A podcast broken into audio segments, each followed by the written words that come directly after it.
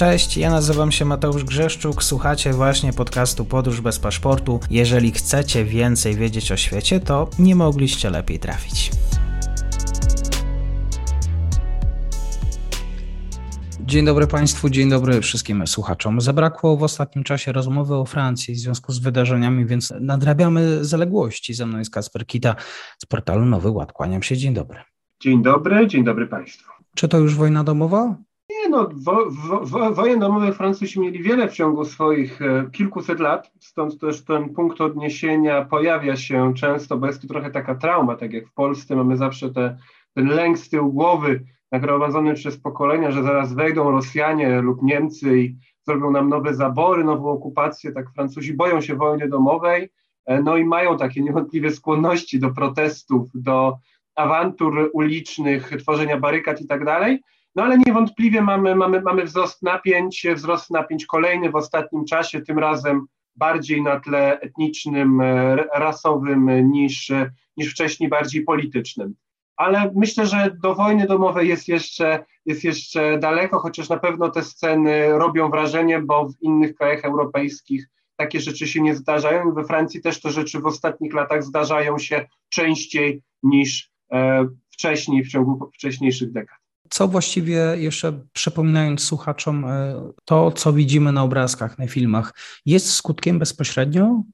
Jest skutkiem bezpośrednio tego, że kilka dni temu e, zabity został przez policjanta 17-letni e, chłopiec, no właśnie tutaj też jest pytanie, czy 17-latek to, to niewinny chłopiec, czy to już jest prawie mężczyzna, Arab z pochodzenia, mm, który według strony jednej był już kilkukrotnie e, był znany policji, był podejrzewany o udział w handlu narkotykami, nie chciał się zatrzymać, e, nie chciał pokazać, co ma w samochodzie, z drugiej strony, no i odjechał po dwukrotnym odmówieniu wyjścia z samochodu, no i policjant go zastrzelił.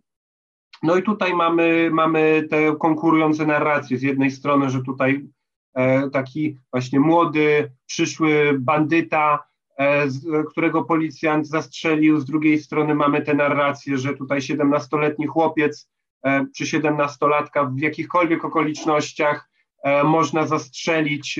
No tutaj to już każdy może mieć, mieć, własną, mieć własne zdanie w tej sprawie. Istotne jest to, że wpisuje się w szerszy, trwający od, od lat tak naprawdę konflikt e, między ludnością e, imigrancką i potomkami imigrantów właśnie z krajów muzułmańskich, z krajów w znacznej mierze arabskich, z krajów Magrebu, e, a tymi Francuzami pochodzenia europejskiego.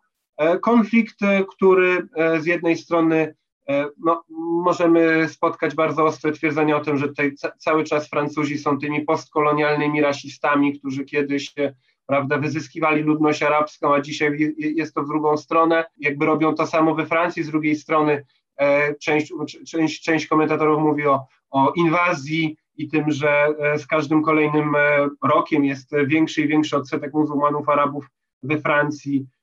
No i tutaj mm, te napięcia po prostu są bardzo wysokie. Z jednej strony mamy duże ruchy migracyjne, a z innej strony, czyli populacja osób z zewnątrz do Francji, a z drugiej jest kwestia to jednak, że są to rdzenne, znaczy nie są to rdzenni Francuzi, ale już ludzie z francuskim paszportem. Jak najbardziej, są to ludzie z francuskim paszportem. We Francji jest relatywnie łatwo dostać obywatelstwo. Oczywiście nie aż tak łatwo jak nie wiem, w Stanach Zjednoczonych, gdzie mamy po prostu prawo ziemi, ale E, mamy tak zwane podwójne kryterium, czyli e, człowiek, e, który jest urodzony we Francji z osoby urodzonej we Francji, może już dostać obywatelstwo. Mamy też wiele innych ścieżek uzyskania tego obywatelstwa po dłuższym przebywaniu, po urodzeniu się, potem generalnie jak rodzina mieszka ileś lat we Francji po ukończeniu 18 roku życia, po spełnieniu pewnych warunków, nie będziemy teraz w te szczegóły wchodzili. Istotne jest to, że mamy bardzo wiele osób, które e, w, od lat 70. tak naprawdę mamy sprowadzaną migrację na dużą skalę właśnie z krajów arabskich, z krajów Magrebu, dzisiaj również z Afryki subsaharyjskiej. Pamiętajmy, że tutaj jest ten oczywisty kontekst postkolonialny właśnie dlatego, że po prostu e, są to ludzie w krajach, które kiedyś były francuskimi koloniami lub jak Algieria, były częścią Francji, administrowaną przez, przez Francuzów i po prostu ci ludzie osiedlają się, znając język francuski, bo po prostu ten język funkcjonuje również w ich krajach. I stąd też było takie założenie z jednej strony rządów, francu rządów francuskich kolejnych, że można tych ludzi sprowadzić jako pracowników i oni będą e, że oni będą tutaj relatywnie dobrze funkcjonować, ponieważ znają już język, jakoś tam liznęli tej francuskiej kultury, nie jest to dla nich coś zupełnie obcego, abstrakcyjnego. Z drugiej strony e, dla tych ludzi też był to po prostu awans materialny, chęć, chęć wyjechania do bogatszego kraju, którego język znali, tak? Tak jak Polacy wyjeżdżali do Wielkiej Brytanii, oczywiście nie mieliśmy takiej historii e, kolonialnej, ale po prostu znając angielski najłatwiej jest się osiedlić w Wielkiej Brytanii, tak? E, jest to język obcy, który zdecydowanie najczęściej, najczęściej Polacy znają, e, więc w tych krajach Afryki subsaharyjskiej i w krajach arabskich, czyli tej czarnej Afryki i tej Afryki bardziej arabskiej, mieliśmy po prostu setki tysięcy ludzi, którzy wyjeżdżały do Francji na przestrzeni lat, osiedlali się tam, zakładali rodziny, no i te rodziny już często e, tutaj potomkowie mają francuskie obywatelstwo. Mhm. Jak sobie radzi z e, tym kryzysem e, francuska władza? Cóż, francuska władza wypuściła, na, wypuściła 45 tysięcy policjantów, żeby mm, jakoś próbowali sobie z tym kryzysem poradzić. Generalnie mamy starcie na ulicach, mamy rannych po obu stronach. Oczywiście przede wszystkim wiem, jak to jest w przypadku policjantów. No i tutaj E, wiemy, że mamy kilkuset rannych policjantów.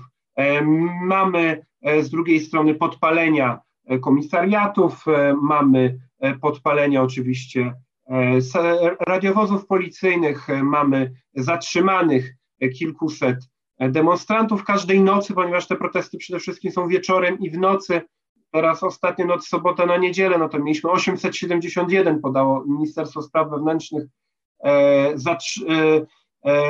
podpaleń 719, zatrzymanych 577 e, samochodów podpalonych, 45 budynków, 10 komisariatów e, i 6 stanowisk policji miejskiej.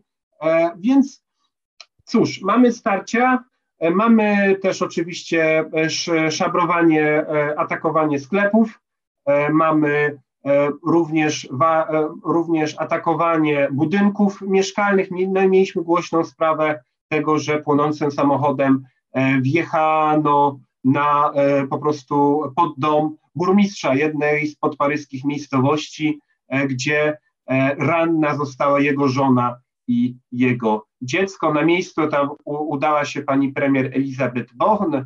No i tutaj, jak, jak na razie nie mieliśmy mm, wystąpienia E, takiego do narodu. Prezydenta Macrona, bardziej zajmuje się tym minister spraw wewnętrznych Shehata Maneu, który zresztą jest takim, od, tak naprawdę odkąd został ministrem od trzech lat, takim właśnie e, takim twardzielem w ramach rządu Macrona. On, on, też w kontekście przyszłych wyborów prezydenckich się na takowego kreuje, z drugiej strony jest przez, e, o, przez opozycję lewicową jest atakowany jako właśnie zbyt ostry e, i mówi się o tej policyjnej przemocy, z drugiej strony E, przez opozycję tą bardziej prawicową, narodową, jest atakowany jako zbyt miękki, jako strażak podpalacz, który z jednej strony e, na przykład delegalizuje e, ten, część tych najradykalniejszych ugrupowań organizacji islamskich, z drugiej strony przecież cały czas imigracja legalna do Francji z tych samych kierunków postępuje. E, no i mamy tutaj podziały społeczne na tym tle, na tle również stosunku do państwa, do policji. Pamiętajmy, że ta, że ta sama policja, która w tej chwili walczy z protestującymi, wśród których większość stanowią potomkowie imigrantów e, lub imigranci, no to e, ta sama policja często w podobny sposób, chociaż oczywiście ta przemoc nie była aż na taką skalę, ale też były starcia dopiero co kilka miesięcy temu podczas protestu przeciwko reformie emerytalnej. E, wcześniej mieliśmy żółte kamizelki, mieliśmy też inne e, zamieszki na tle, na tle etnicznym, e, takie jak mamy teraz.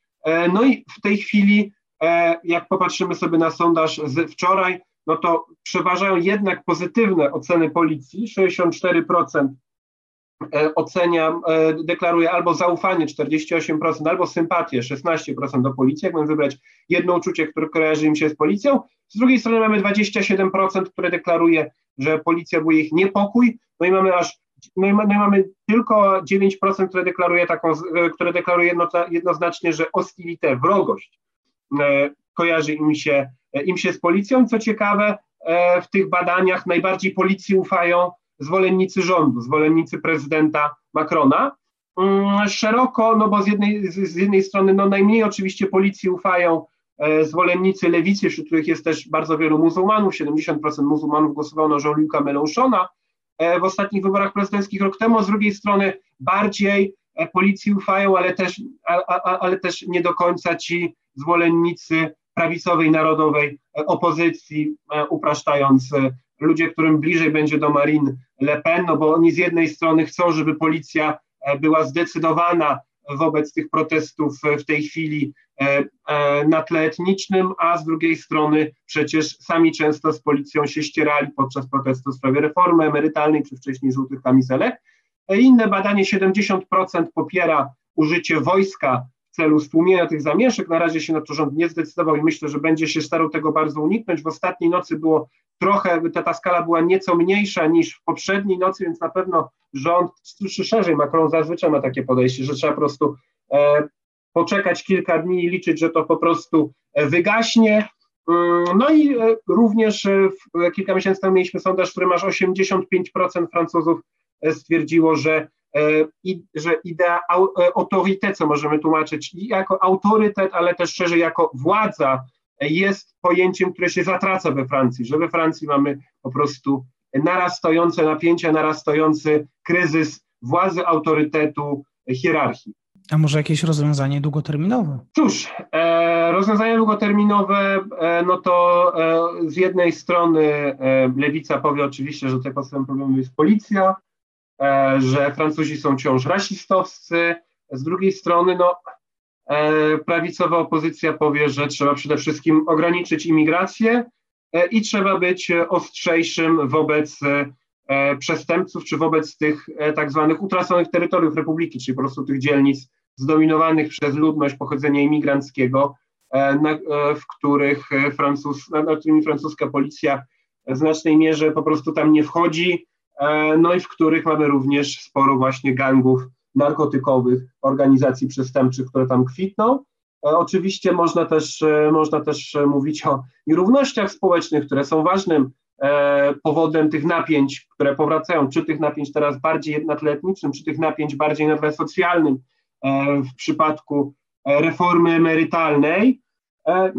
Tylko to jest, to jest trudne, no bo po prostu ten poziom, ten poziom napięcia tutaj z obu stron jest bardzo wysoki i tutaj gotowość też do, do użycia przemocy jest, jest bardzo wysoka. Mm, więc no, nie widzę tutaj łatwych rozwiązań w najbliższym czasie, ponieważ e, wszelkie proponowane rozwiązania wywołują, jedną czy drugą stronę wywołują bardzo duży opór. E, z drugiej strony uważa, są, są przedstawione jako właśnie dolewanie E, oliwy do ognia, pogłębianie tego, pro, pogłębianie tego problemu, który jest. jest. Bardzo dziękuję za ten komentarz. Kacper Kita, kłaniam się do usłyszenia. Dziękuję serdecznie, do usłyszenia. I to już koniec na dzisiaj. Zapraszam na profil podcastu Podróż bez paszportu na Facebooku, Instagramie i Twitterze. Zachęcam też do wsparcia mojej pracy na serwisie Patronite oraz Buy Coffee. Do usłyszenia.